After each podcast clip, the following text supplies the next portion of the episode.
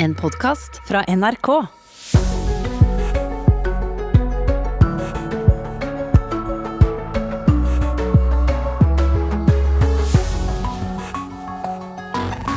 Tilløpet. Skuddet er hardt, og det er giving! Har du sett Damsgaard! Det er Mikkel Damsgaard som har ladet noe voldsomt, og Pickford har ikke sjans!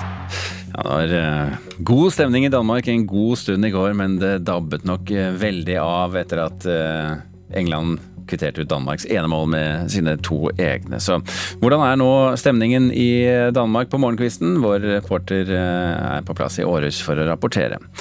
Og det er nok eh, stille i London på morgenkvisten også, selv om næringsminister Iselin Nybø er på vei dit for å skrive under eh, på Norges nye frihandelsavtale med Storbritannia. Sikkert noen som er glad for at hun kommer, men jubelscener à la det det var i går, det blir det nok ikke. Og en ting til. Har du vurdert hvorvidt andre skal få bruke dine organer dersom du skulle dø?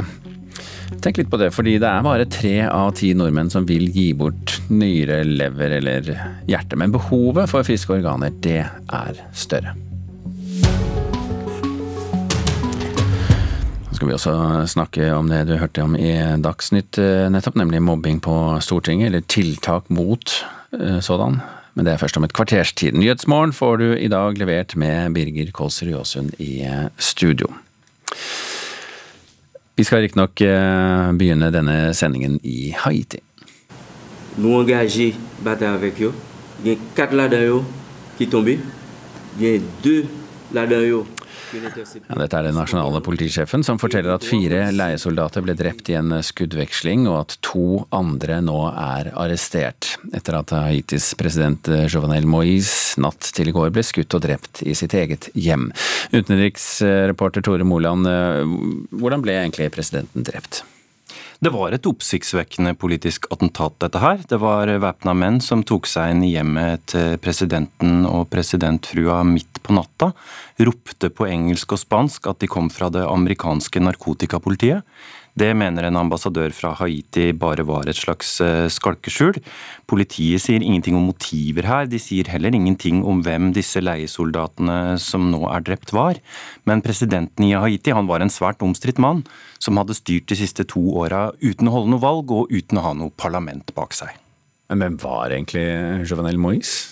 En forretningsmann, 53 år gammel, slo seg opprinnelig opp på å selge både bildeler og bananer. Demokratisk valgt i 2016, innsatt i 2017, men det har da vært demonstrasjoner mot ham de siste to åra, med beskyldninger om at han var i ferd med å bli mer og mer av en diktator.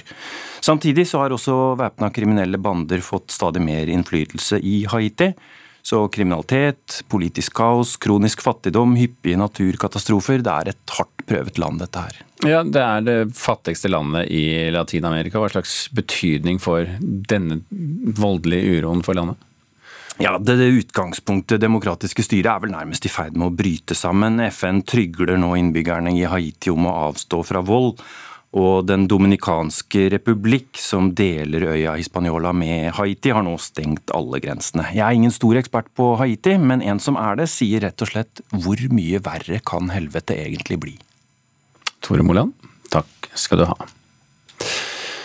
Vi eh, skal eh, nå tilbake til den saken om at hver eh, tredje nordmann sier nei til organdonasjon. Nesten hver tredje nordmann sier nei. Og antallet som ikke ønsker å gi bort organer etter sin død, det har økt den siste tiden. En forklaring kan være at sykehusene ikke er gode nok på å kommunisere med de pårørende. Det sier donoransvarlig ved Oslo universitetssykehus, Dag Vendelbo Sørensen. Noen av de som dør, har jo allerede på forhånd gjort seg opp en mening. Og det skal vi jo respektere. Men så kommer det jo i de situasjonene hvor man ikke vet hva meningen til den som dør er. Og da er det jo pårørende må jo tre inn da. Og prøve å, å si noe om hvordan de tenker rundt dette. Over 500 nordmenn står i kø for å få et livsviktig organ fra en annen person. Et tall som er doblet på ti år, sier informasjonssjef i stiftelsen Organdonasjon, Aleksander Sekowski. Det er eh, mange årsaker til det. Befolkningen blir stadig eldre. Eh, både donorer eh, og de som trenger et organ. Det er en økning i livsstilssykdommer. Stadig flere må retransplanteres. Så ser vi også at uh, flere pasientgrupper får tilbud om organtransplantasjon. Flere kan hjelpes, og dermed øker ventelisten. Samtidig er det bare rundt 100 organdonorer i året, som i snitt avgir fire organer hver. Disse skal også passe til de som står i køen, og i tre av ti tilfeller får altså sykehuset nei. Begrunnelsene for dette varierer, sier Dag Vendelbo Sørensen ved Oslo universitetssykehus. Noen ønsker ikke at det skal gjøres mer kirurgi, for det må jo gjøres kirurgi for å ta ut disse organene. Så er det nok noen som sier nei til døden. De føler at hvis de sier ja til organdonasjon, så liksom må de forlate den og akseptere at døden har kommet. Og så er det jo noen som ikke forstår at pasienten er død, fordi pasienten ligger på respirator og hjertet slår. Selv om man blir da dødserklært. Og så kommer jo det at eh, noen har problemer eh, under eh, at de opplever at f.eks. man ikke har vært respektfull, f.eks., eller at man ikke har vært i stand til å kommunisere med dem. Nyrer er det organet som det hyppigste er behov for å skifte ut, deretter lunger, lever og hjerte. I går fortalte NRK historien om seks år gamle Edvin, som døde brått av hjerneblødning, og foreldrene som bestemte at andre barn skulle få livsviktige organer fra ham. Faren Bård Stenvik er glad for at de valgte det. Det er jo gære med at Edvin døde, men en ting som hjelper litt, er at tross alt så er det en eller annen plass som slår forhåpentligvis hjertet hans fortsatt da, i en annen kropp, hvor det gjør nytte for seg.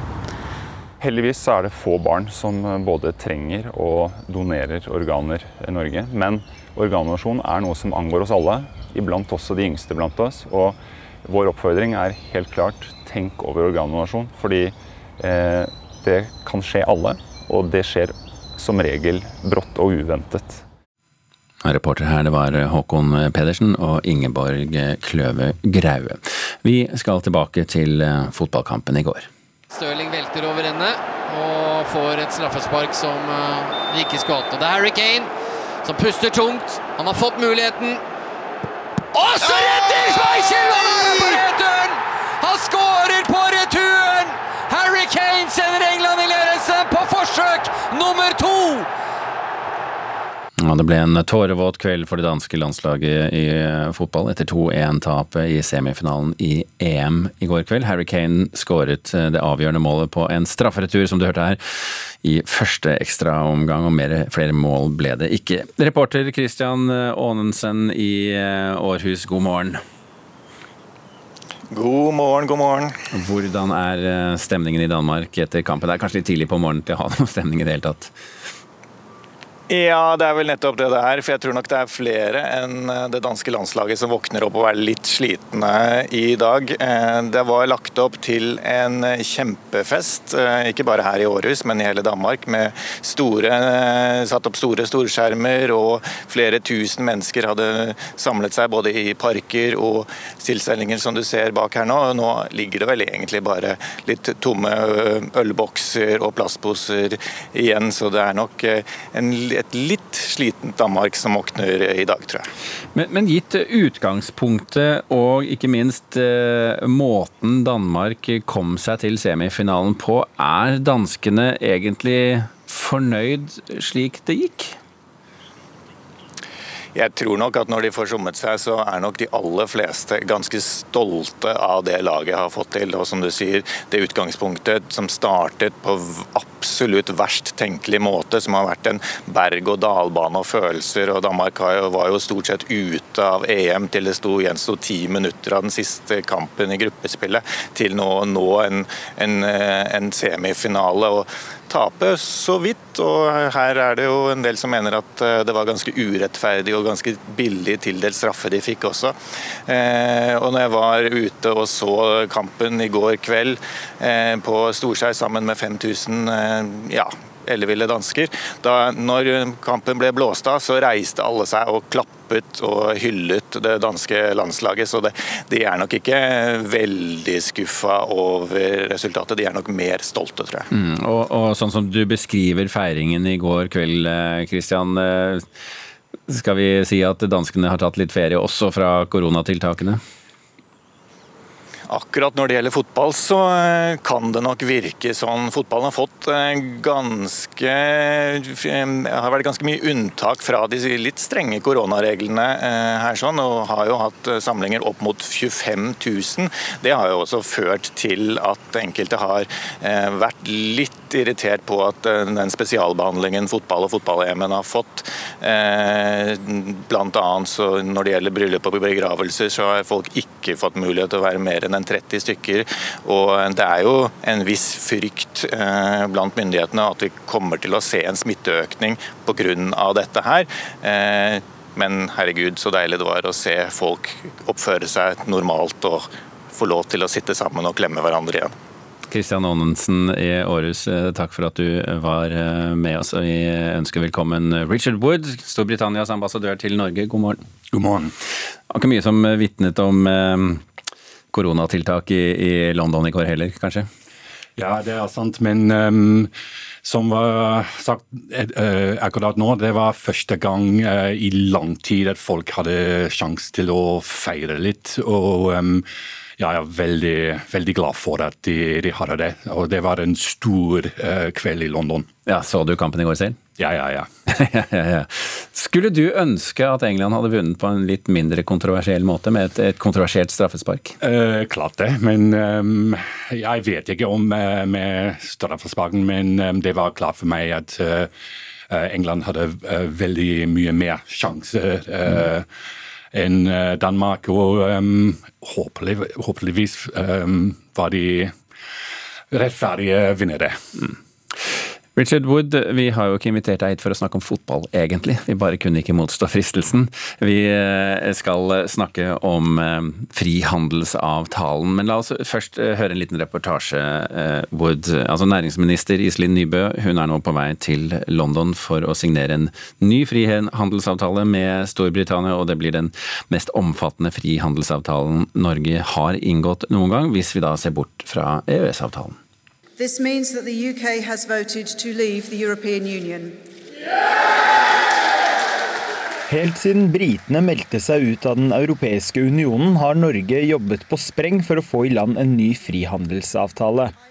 Før brexit sikret EØS-avtalen fri bevegelse av varer, tjenester, kapital og personer. Men uten britisk EU-medlemskap er ikke avtalen gyldig lenger. Derfor er det så viktig med en ny avtale. Det har vært veldig viktig å få på plass denne avtalen.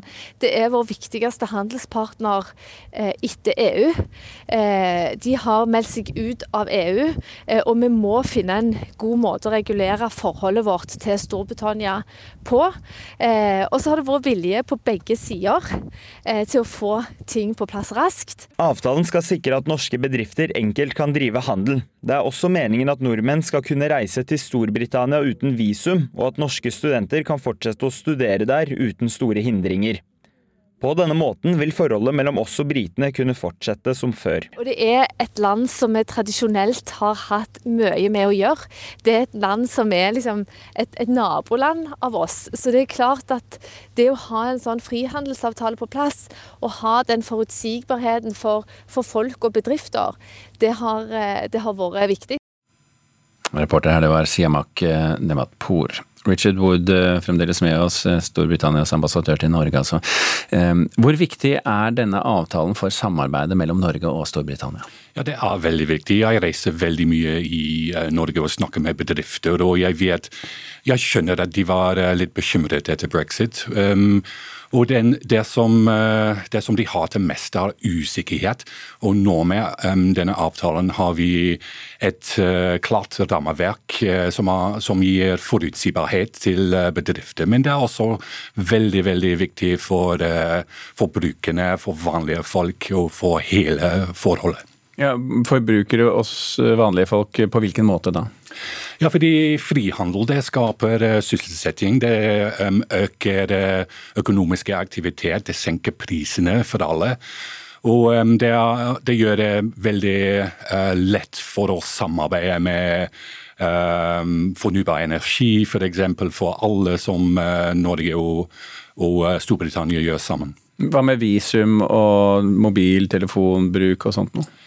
Ja, så Mobiltelefonbruk det, det kommer gratis for, for nordmenn i Storbritannia og omvendt. Og um, Det kunne vi ikke ha med EU, f.eks.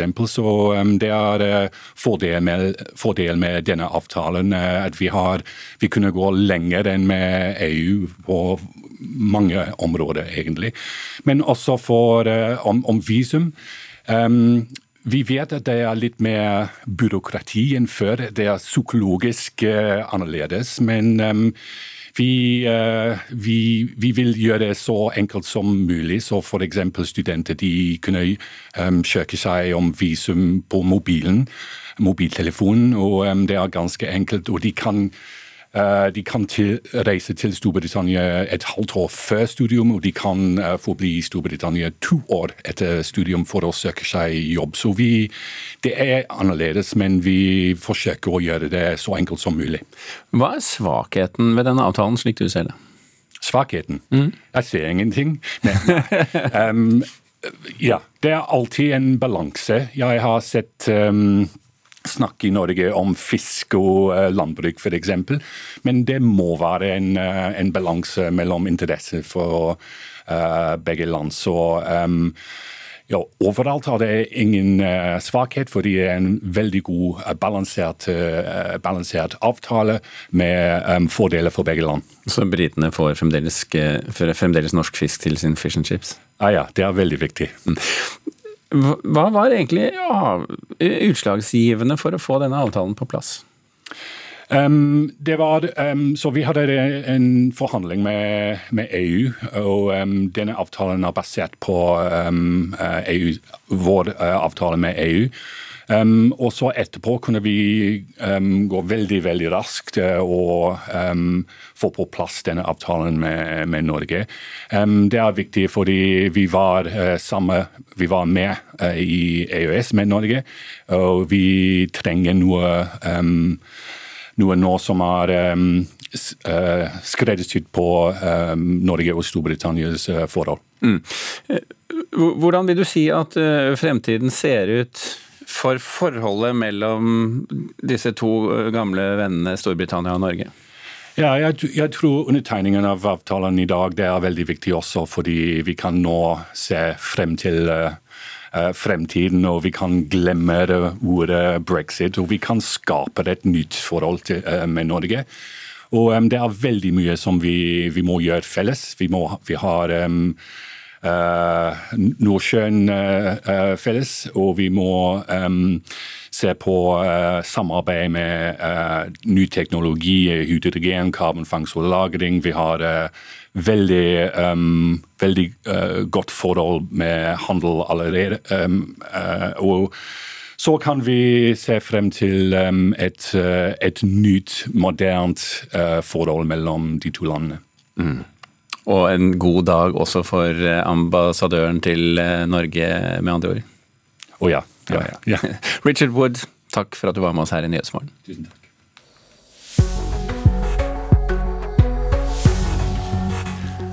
Da er klokken allerede rukket å bli 21 eh, minutter over sju. I tillegg til saken om at Norge og Storbritannia i dag signerer en ny frihandelsavtale, så er dette våre viktigste saker. Fire leiesoldater ble drept i en skuddveksling, og to andre er arrestert etter at Haitis president Jovenel Moïse natt til i går ble skutt og drept i sitt eget hjem. Nesten hver tredje nordmann sier nei til organdonasjon, og antallet som ikke ønsker å gi bort organer etter sin død har økt den siste tiden. Følg med oss videre. Vi skal om noen minutter til verdens viktigste filmfestival, den i Cannes. Stortinget de setter nå i verk tiltak mot mobbing og trakassering av stortingsrepresentanter. I 2019 svarte én av seks representanter at de hadde opplevd trakassering eller mobbing de siste seks månedene. Stortingspresident Tone Trøen frykter trakassering av kvinnelige folkevalgte, og at det fører til at kvinner kvier seg for å ta politiske verv og lederroller. Det skal ikke være noen tvil om at vi har nulltoleranse på Stortinget for mobbing og trakassering. Det sier stortingspresident Tone Trøen. De nye tiltakene innebærer at nulltoleranse mot mobbing og trakassering kommer inn i den etiske veilederen til representantene. Nye undersøkelser annethvert år og utredelse av en ekstern varslingskanal. På spørsmål om hvorfor tiltakene kommer først nå, når tallene kom høsten 2019, svarer Trøen. Vi har jobbet med dette eh, det siste året. Det har jo vært et spesielt år med, med koronapandemi, men vi har også gjort uh, tiltak løpende. Bedriftshelsetjenesten vår er jo en rådgivende enhet og, og kan bistå. Det er opprettet en ekstern varslingskanal for ansatte på Stortinget. Og det vi nå sikrer, er jo at vi får på plass endringer i den etiske veilederen før et nytt storting tar, tar til da, til høsten. Anette Trettebergstuen er leder av Arbeiderpartiets kvinnenettverk. Hun er fornøyd med de nye tiltakene. Jeg tenker at De tiltakene som presidentskapet nå har fremma, er tiltak som har blitt laga i nær kontakt med representantene og partiene. og Det er gode tiltak. og Jeg har full tro på at det er tiltak som også vil hjelpe. Så får vi se da, du, om det er sånn at man kommer på og har behov for, for flere ting etter hvert. Av de 16% av representantene som i 2019 oppga å ha opplevd trakassering eller mobbing det siste året, var to tredjedeler kvinner. Trettebergstuen sier dette er forferdelige tall. Politikken skal være et trygt og godt sted å være. og Politikere vi må tåle mye motstand og vi må også tåle et hardt eh, ordskifte. Men de tallene fra den undersøkelsen knytta til Stortinget viser jo at altfor mange opplever at det går for langt. Og vi vet jo også at veldig mange kvier seg for å delta i det offentlige ordskiftet eller å delta i lokalpolitikken frivillig, fordi man ser at nettopp det harde ordskiftet blir mer og mer, mer, polarisert, og man, man kvier seg for å delta. Og det er en trussel mot demokratiet vårt. Den trakasseringen som kvinnelige folkevalgte i Norge forteller om, den er et problem for oss, men den er også et stort globalt eh, problem. Det kan innebære at eh, kvinner eh, mister motet, mister lysten til å ta på seg tillitsverv, politiske tillitsverv, men også lederroller. Og det er jo for oss en trussel mot demokratiet. Det er et tilbakesteg i likestillingskampen. Reporter det var Maria Jostad. Mangeårig LO-profil og stortingskandidat for Arbeiderpartiet, Trine Lise Sundnes, hun mener et sterkt sosialistisk venstreparti er bra for Arbeiderpartiet. Det står i skarp kontrast til Senterpartiets nestleder Ola Borten Moe, som har sagt at et mulig regjeringssamarbeid med SV er helt uaktuelt. Men Sundnes, altså, for henne er det motsatt. Jeg tenker at eh, Arbeiderpartiet har jo god erfaring med samarbeidet med Senterpartiet og SV. Eh, så jeg tenker at eh, det er all grunn til å gjenta den suksessen. Det sier Trine Lise Sunne, som stiller til valg for Arbeiderpartiet. Hun mener SV bør inngå i en rød-grønn regjering selv om Arbeiderpartiet og Senterpartiet skulle fått flertall alene. Sundnes viser til at Handel og Kontor ønsker en Ap-ledet regjering med et sterkt SV. Er det ikke litt paradoksalt at en Ap-kandidat ønsker seg et sterkt SV? Nei, syns ikke det. Fordi? Nei, altså, eh, som jeg sier, eh, vi har funnet sammen før eh, i veldig mange spørsmål, og særlig på arbeidsliv, som jeg er opptatt av. Så jeg ser ikke det som noe unaturlig. Utsagnet fra Sunne står i sterk kontrast til hva Senterpartiets nestleder Ola Borten Moe uttalte i Politisk sommerkvarter forrige mandag. Borten Moe gikk da lenger enn sin partileder Trygve Slagsvold Vedum i å utelukke et samarbeid med SV. Nei, Vi har ikke tenkt å sitte i regjering med SV, vi har tenkt å sitte i regjering med Arbeiderpartiet. Altså regjering utgått av Senterpartiet og Arbeiderpartiet. Eh, det er vår plan og ambisjon, og noe som vi har kommunisert tydelig gjennom mange år nå. Reporter her var Andrea Ånestad og Mats Rønning. Akkurat nå så foregår eh, verdens viktigste filmfestival, nemlig filmfestivalen i Cannes i Frankrike. Her er to norske filmer av to ulike norske regissører representert. En av dem er filmen 'Verdens verste menneske' av Joakim Trier. Hun er jo en utrolig kul og smart og begava og morsom jente, men hun bare føler seg mislykka i alt hun gjør. Hun føler seg som verdens verste menneske.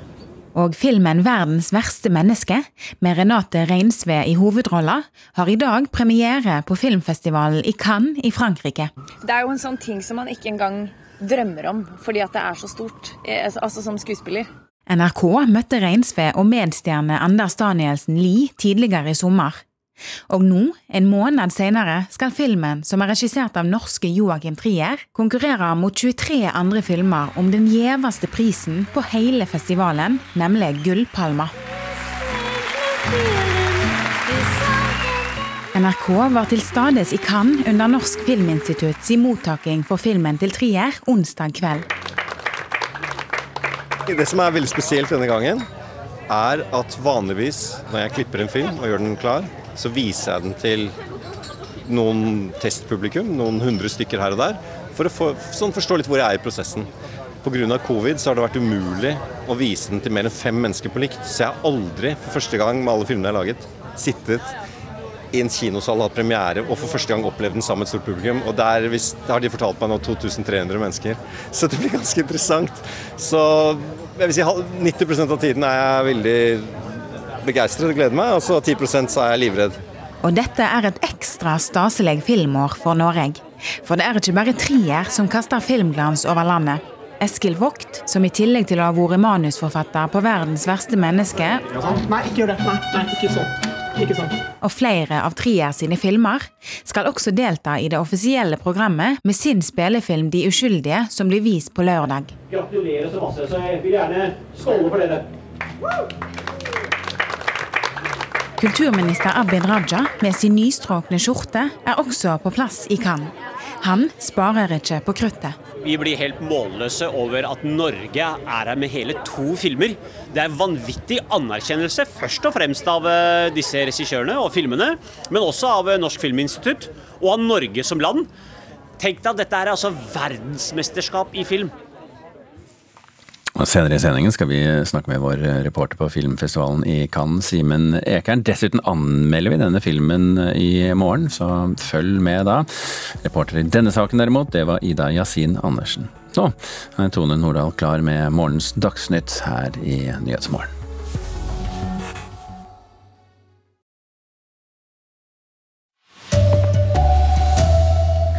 Én av tre sier nei til organdonasjon, mens køen av folk som trenger nye organer, vokser.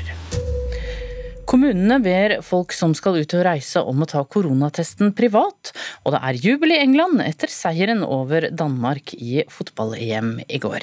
Ja, god morgen. Dette er saker du får høre mer om i Dagsnytt 7.30. Først altså, nesten én av tre i Norge sier nei til organdonasjon. Det er flere enn for bare et par år siden. En forklaring kan være at sykehusene ikke er gode nok til å kommunisere med de pårørende. Det sier donoransvarlig ved Oslo universitetssykehus, Dag Vendelbo Sørensen. Noen ønsker ikke at det skal gjøres mer kirurgi, for det må jo gjøres kirurgi for å ta ut disse organene.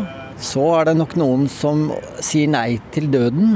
De føler at hvis de sier ja til organdonasjon, så liksom må de forlate den og akseptere at døden har kommet. Og så er det jo noen som ikke forstår at pasienten er død, fordi pasienten ligger på respirator og hjertet slår. Og så kommer jo det at eh, noen har problemer eh, under eh, at de opplever at f.eks. man ikke har vært respektfull, f.eks., eller at man ikke har vært i stand til å kommunisere med dem. Over 500 nordmenn står i kø for å få et livsviktig organ fra en annen person, et tall som er doblet på ti år, sier informasjonssjef i stiftelsen Organdonasjon, Aleksander Sekowski. Befolkningen blir stadig eldre. Det er en økning i livsstilssykdommer. Stadig flere må retransplanteres. Og så ser vi også at uh, flere pasientgrupper får tilbud om organtransplantasjon. Men man vet ikke hvorfor færre nå sier ja til organdonasjon, samtidig som behovet for friske organer å transplantere er større enn noen gang. Det er, det er mange grunner til dette, og jeg tror hvis vi skal komme noen vei videre med dette, så må vi drive systematisk registrering av hvorfor folk sier nei, og grunnlaget for det. For det vil jo kunne si hvor vi kan gjøre noe med dette. I, dag har vi ikke gode tall. Reportere her var Lars Håkon Pedersen og Ingeborg Kløve Graue. I går kveld måtte Danmark gi tapt for England i semifinalen i fotball-EM. Det måtte ekstraomganger til, og England vant 2-1 etter et omdiskutert straffespark. Ja, vi, jeg synes, det er afgørende momenter som, øh, som, dommeren har med at gjøre. Øh, jeg synes, det er tynd straffe. Øh, og op til der står jeg og snakker med fjerdommeren om at der er en bold på banen. Den skal stoppes der. Der er 15 sekunder tror jeg, hvor jeg står og snakker med fjerdommeren, hvor han siger, nej, nej, det gør ingenting. Det sa Kasper Hjulmann om straffesituasjonen som ble avgjørende i ekstraomgangene. Etter 1-1 til full tid ble det spilleforlengelse, og etter 104 minutter blåser dommeren i fløyta etter at Raheem Stirling faller i feltet. Det er to baller på banen. Stirling velger den riktige og går videre igjennom. Oi! Oi, der kan det være straffe! Det er straffe! Stirling lurer, Lars Mæhle triller rundt! Etter en varsjekk ble avgjørelsen stående, og da kunne Englands stjernespiss Harry Kane legge ballen på straffemerket. Og så redder Schmeichel! Han er på returen! Han skårer på returen! 2-1 og England-fansen kunne juble. Danmark klarte ikke å utligne, og dermed skal England spille finale på hjemmebane søndag kveld. Gareth Southgate smiler fra øre til øre mens han gir varme håndtrykk og klemmer nede, i, nede på banen. Men festen er allerede i gang på Wembley, for England har tatt seg til EM-finalen. Ja, Det sa kommentator Thomas Lerdal etter kampslutt. Reporter var Joakim Remvik. Reporter Christian Aanensen, du er med oss fra Århus. Hvordan er stemningen i Danmark etter denne kampen? Ja, Det er nok flere enn landslagsspillerne som kommer til å våkne og være litt slitne i dag, tror jeg. Det var lagt opp til en ganske stor fest med ganske mange tusen mennesker, både her i Århus og ganske mange andre steder i Danmark òg.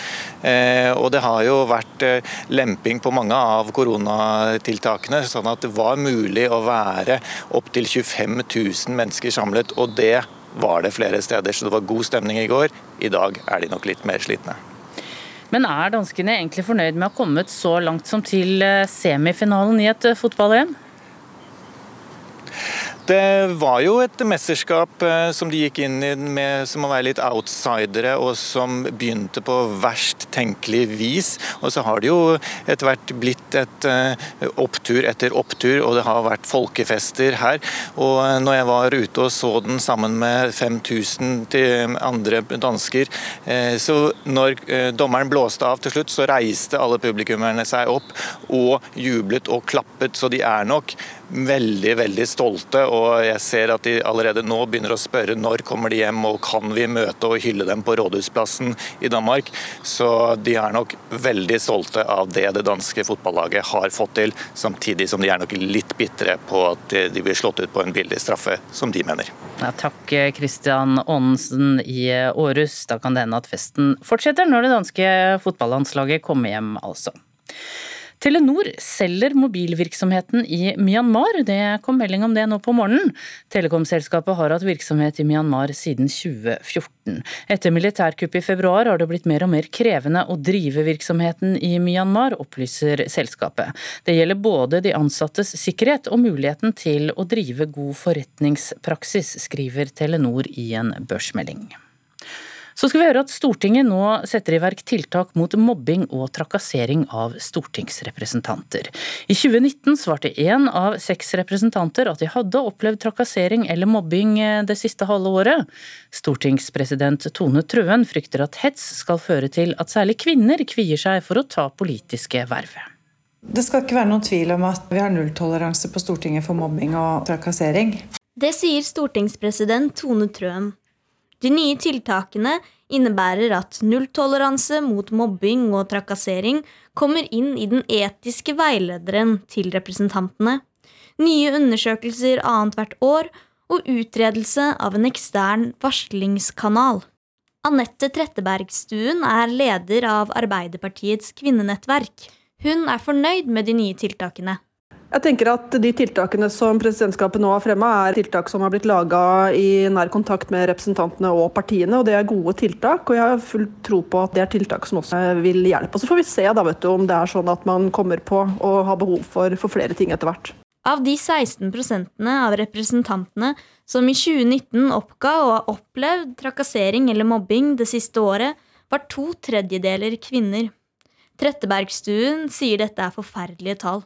Politikken skal være et trygt og godt sted å være, og politikere vi må tåle mye motstand og vi må også tåle et hardt eh, ordskifte. Men de tallene fra den undersøkelsen knytta til Stortinget viser jo at altfor mange opplever at det går for langt. Den trakasseringen som kvinnelige folkevalgte i Norge forteller om, den er et problem for oss, men den er også et stort globalt eh, problem.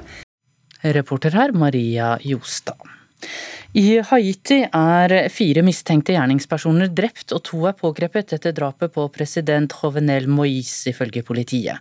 De omtaler de fire som leiemordere. Moïse ble skutt og drept hjemme hos seg selv natt til onsdag. Folk som trenger en negativ koronatest fordi de skal reise til utlandet, skal ikke bruke de kommunale teststasjonene.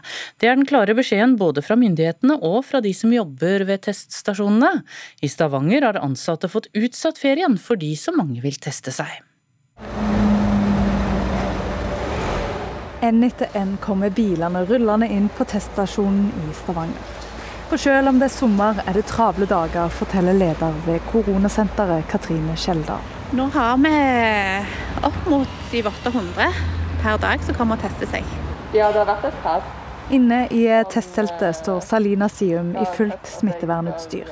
Men flere av de hun tester, har ingen symptom, og har heller ikke vært i kontakt med noen som er smitta. De skal bare på ferie. Vi blir litt oppgitte. Vi er ikke her for å teste friske folk som skal til Syden. Vi er, å, vi er fortsatt i en pandemi, og vi skal ha lav terskel for å teste oss eh, for smittesporing og hvis vi er syke. Ikke fordi vi skal reise. For når eh, mange som skal reise til utlandet velger å teste seg på den kommunale teststasjonen i plassen for å gå til private, ja da får det konsekvenser, sier Skjeldal. Det betyr at vi må oppbemanne. Vi har utsatt ferie til enkelte. Eh, og vi har mye mer å gjøre i forhold til det vi hadde tenkt. Vi har eh, et system i Norge hvor det er testmuligheter i hver kommune, og det er også private aktører som tester. Og det å lage ytterligere et nytt system kun for å tilfredsstille kravet til negativ test før feriereiser, det tror jeg ikke er hensiktsmessig. Så her må vi nok finne noen løsninger. Vi må se litt også mer inn i tallene hvor stort dette problemet faktisk er. Om det bare er et fåtall personer, eller om det faktisk er en ganske høy andel av de som nå tester seg på teststasjonene. sa assisterende helsedirektør Espen Rostrup Nakstad. Reporter var Kjersti Hetland.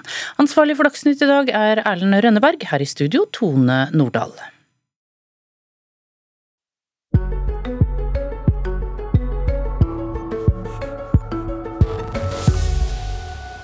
Vi har en tese her i Nyhetsmorgen om at det blir rekordmange bobiler ute på veiene også denne sommeren. For det blir jo ikke så mange, mange utenlandsreiser på nordmenn i år. Så derfor velger folk bobilferie istedenfor å reise til Syden. Reporter Terje Reite har møtt bobilturister på bobilparkeringen i Ålesund, og der var det god stemning. er det god stemning på en, en eh, bobilparkering som dette her? Ja, kjempegod stemning. Det det, det, som er det er det som er livet. Vi har jo mye fin natur i Nord-Norge, og vi kjører jo mye der oppe.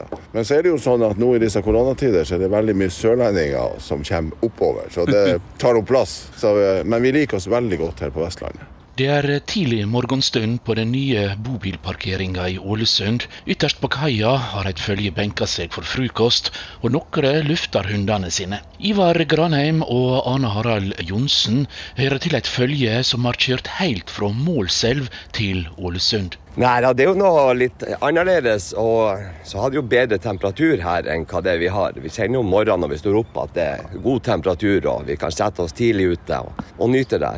Og midt i disen fra rykende varm kaffe kommer en kar med Ålesunds byvåpen på T-skjorta. Han er fra Ålesund parkering, som driver plassen. Med seg har han ei heil kasse med kopper, som han deler ut til de nyvakne bobilturistene. Det er ei velkomstgave. Vi prøver liksom å være best i Norge, da. Det er jo det som er viktig, da. Siden vi er sunnmøring og ålesunder. Det skal være best. Ja. Hva er attraktivt med å få bobilturister til byen? Ja, det er jo liksom for å, å, vise hva vi har å tilby her i eh, distriktet, og spesielt Ålesund. da, Med Jorgenstil og Atlanterhavsparken og turmuligheten opp på eh, fjellstua, Sukkertoppen til Skarbevika. Ja, der er, her er masse, masse å finne på. da. Og turistene er enige. Ålesund tar godt imot dem. Det er fantastisk. Det er, altså, her burde andre byer i Norge lære ut av. Det, det, det, er noe med det beste som eh, vi har opplevd, i hvert fall. Her er det helt perfekt. Det er topp. Og ikke minst det at eh, man tror at bobilfolk de legger ikke igjen penger. Når vi stopper, så går vi i byen, og vi går på restaurant, og vi går tilbake og slapper av i bobilene. De to siste somrene med norgesferie som eneste alternativet for de fleste, er det mange uerfarne bobilturister på veiene. Camilla Ryste i bobilorganisasjonen NAF tror at dette skal gå helt greit. Vi tror det kommer til å gå veldig fint, men det er noen ting som kan være lurt å tenke på før du legger ut med bobil for eh, første gang. Og det viktigste er å ta deg god tid, ikke stress på veien. Og så er det lurt å ta noen korte prøveturer før du legger ut på bilferie, sånn at du venner deg til bilen. Og da er det særlig oppbremsing og akselerering du skal tenke på, for det bruker en bobil litt lengre tid på enn den vanlige personbilen din. Den ene sjåføren er erfaren, den andre har litt færre kilometer bak bobilrattet. De har fått god tid til å føle på kjøreegenskapene underveis fra Målselv til Ålesund. Nå står bratte Trollstigen for tur. Så Det store i dag nå, det vi skal kjøre til eh, begynnelsen på Trollstigen. Skal vi campe der, eller Åndalsnes. Og så tar vi Trollstigen i morgen tidlig. Og vi har jo kjørt eh, mange ganger, da, men eh, de har jo ikke kjørt. og Da må vi jo liksom passe på at vi eh, både holder avstand og at vi ikke lager noe korsk det. Jeg har ikke kjørt Du er ikke helt fersk som bobilsjåfør, eller? Nei da, vi har hatt en del år vi har for å kjørt, men vi har ikke vært så langt på de her områdene vi har kjørt. Og det er jo fantastisk å ha noen som har vært med og kan på en måte bare følge etter og få oppleve og se de her tingene som er. Og ikke minst at vi har lagt opp til sånne korte etapper, rundt en 20 mil. Ja. Og så stopper vi og, så, og koser oss og slapper av. Terje Reite var reporter her. Klokken er nå straks eh, kvart på åtte. Det betyr at det blir eh, politisk sommerkvarter eh, straks. La meg bare minne om hva som er toppsakene våre i dag. For i dag reiser nemlig næringsminister Iselin Nybø til London for å signere en ny og omfattende frihandelsavtale mellom Norge og Storbritannia. Fire leiesoldater ble drept i en skuddveksling, og to andre er arrestert etter at Haitis president Jovenel Moïse natt til i går ble skutt og drept i sitt eget eh, hjem. Og nesten hver tredje nordmann sier nei til organdonasjon, og antallet som ikke ønsker å gi bort organer etter sin død, det har økt den siste tiden. Nå er det Politisk sommerkvarter, i dag laget av reporter Mats Rønning.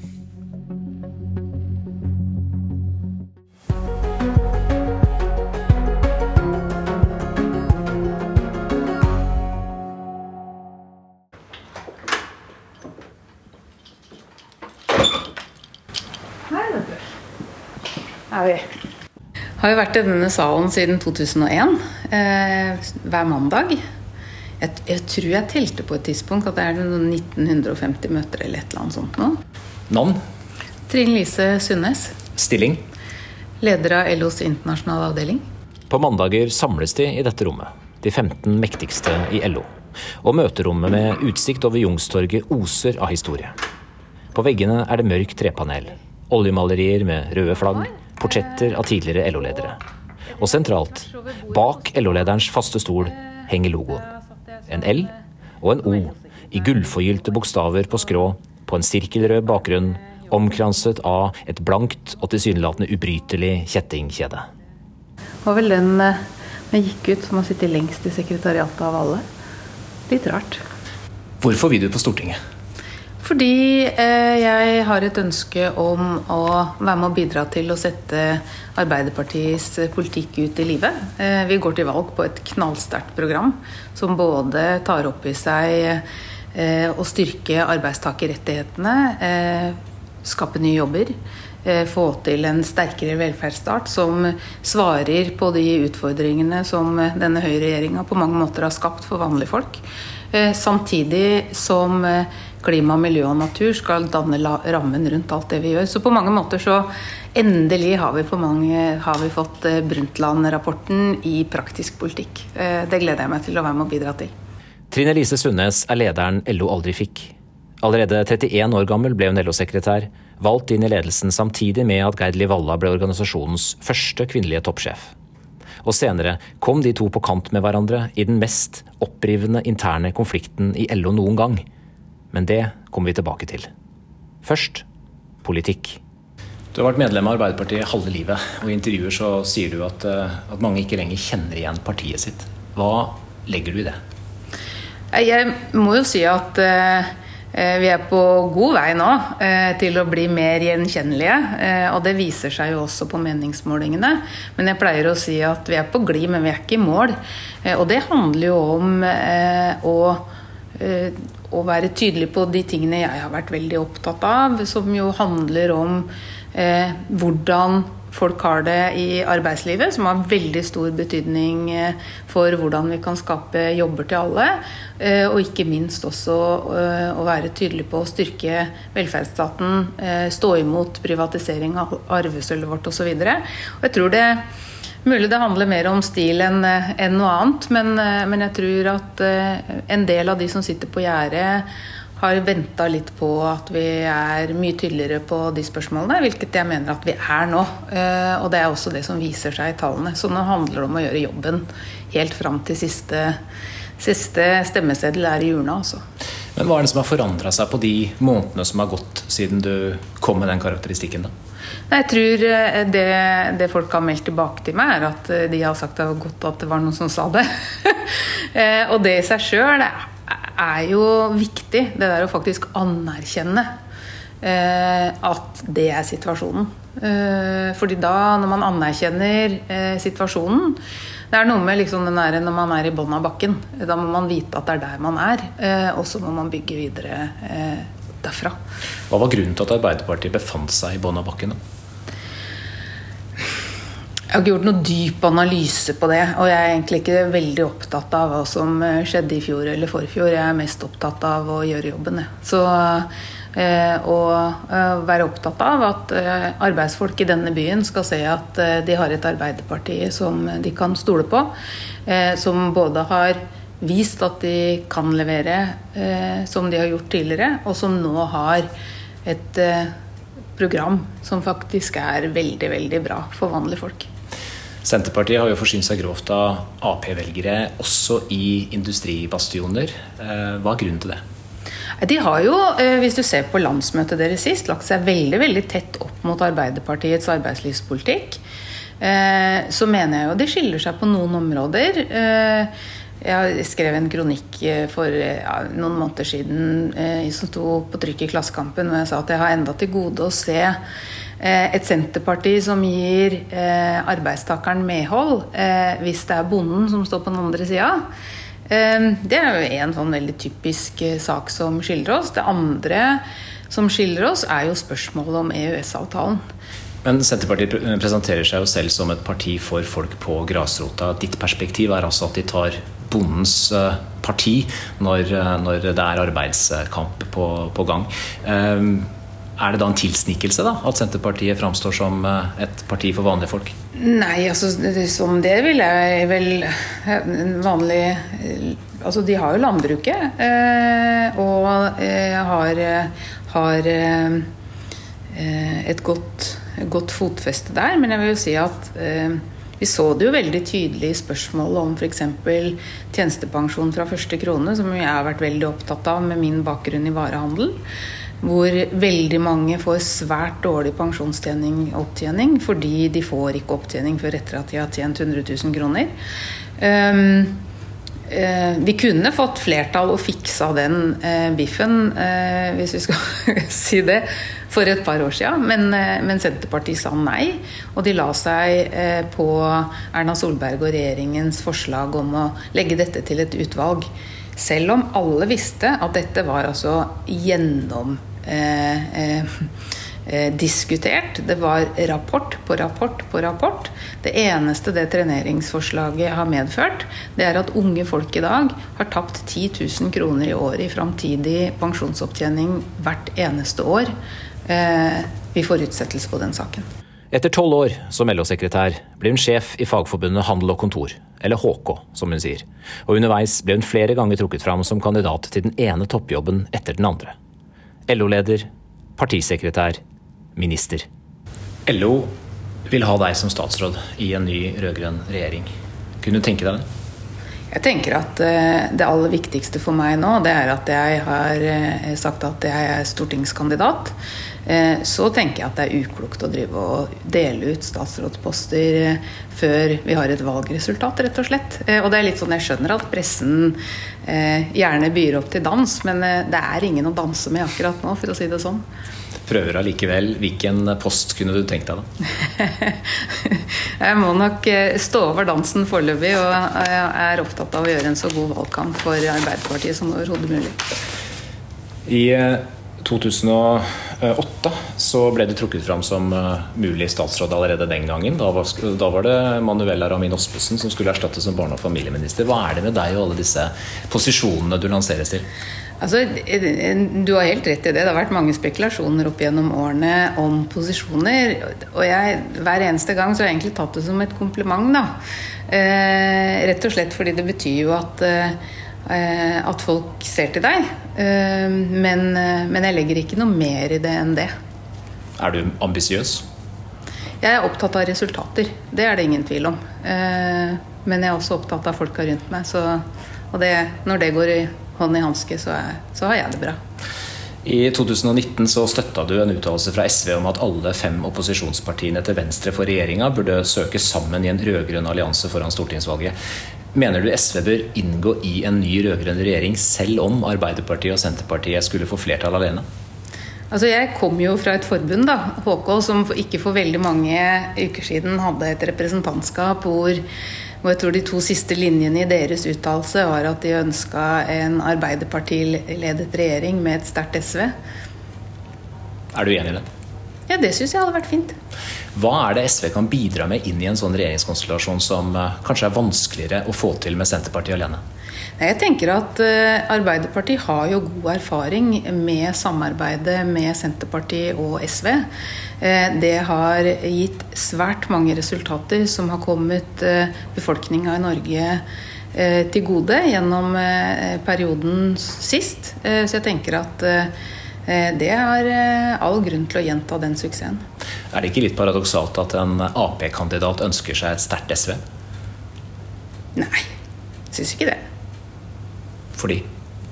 Nei, altså, eh, som jeg sier, vi har funnet sammen før i veldig mange spørsmål, og særlig på arbeidsliv, som jeg er opptatt av. Så jeg ser ikke det som noe unaturlig. Er det da et problem at Senterpartiet er så store, hvis du skulle ønske at tyngdepunktet i en ny rød-grønn regjering lå lenger til venstre? Altså Jeg ønsker selvfølgelig at Arbeiderpartiet skal bli så størst som mulig. Men da må alle stemme på Arbeiderpartiet. Så det er oppfordringa i dag. Vi sitter i sekretariatsalen i, i LO. Du kom inn i LO-ledelsen samtidig med Geir Liv Valla i 2001. Mm. Hvordan var stemningen rundt dette bordet her i eh, de dagene hvor det storma som verst rundt henne? Jeg kan vel si at eh, eh, for oss, og når jeg sier oss som jobba her i Folkets hus, så tror jeg jeg kan inkludere alle som liksom er ansatt her òg. Det var en følelse av at du var i en boks, og LO-bygget ser jo på en måte litt sånn fysisk ut som en boks. Det var følelsen av at noen liksom hadde tatt den boksen og rista inn sånn kontinuerlig i tre uker. Du klarte liksom ikke helt å, å, å liksom føle at du liksom kunne jorde deg litt for å, for å, samle. Det var en veldig veldig spesiell tid. Altså. Eh, og det var journalister med sonorkameraer og, og, greier rundt omkring. Det var, nei, det var, det var, veldig, veldig spesielt. Det var det. Det har nok vært med å forme meg litt sånn i forhold til hvordan, hvordan jobbe sammen med folk, og hvordan liksom motivere folk til å bli begeistra og sånn. Ja, kanskje.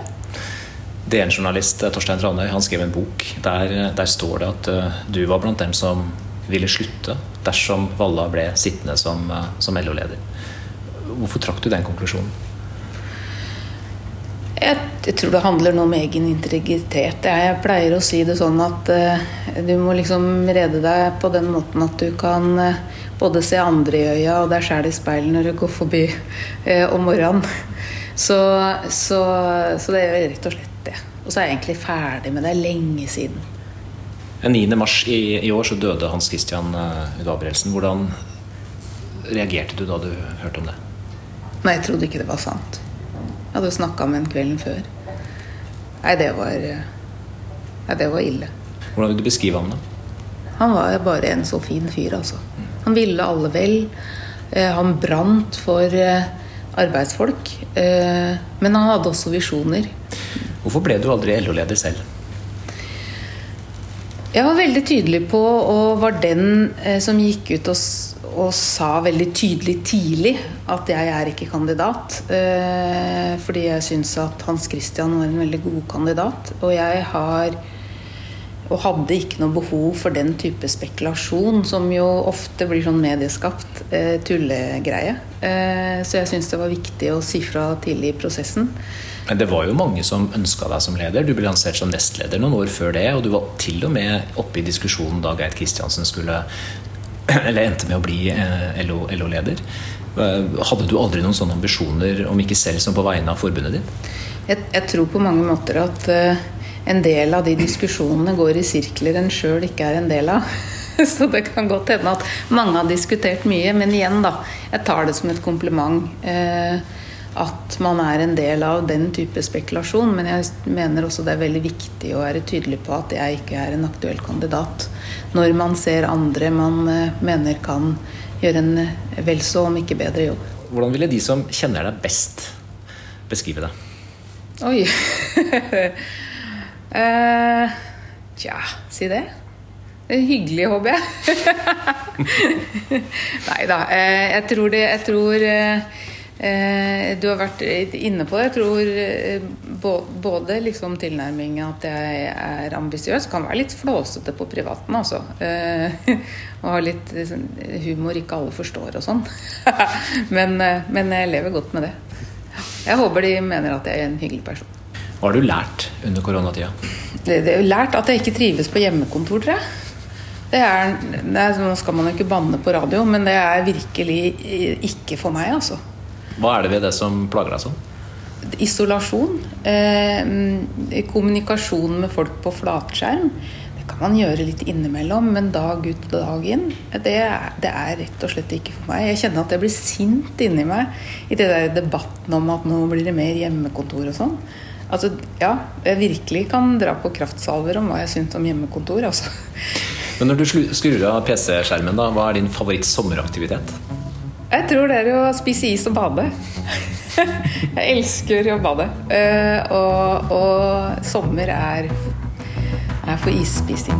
Mm.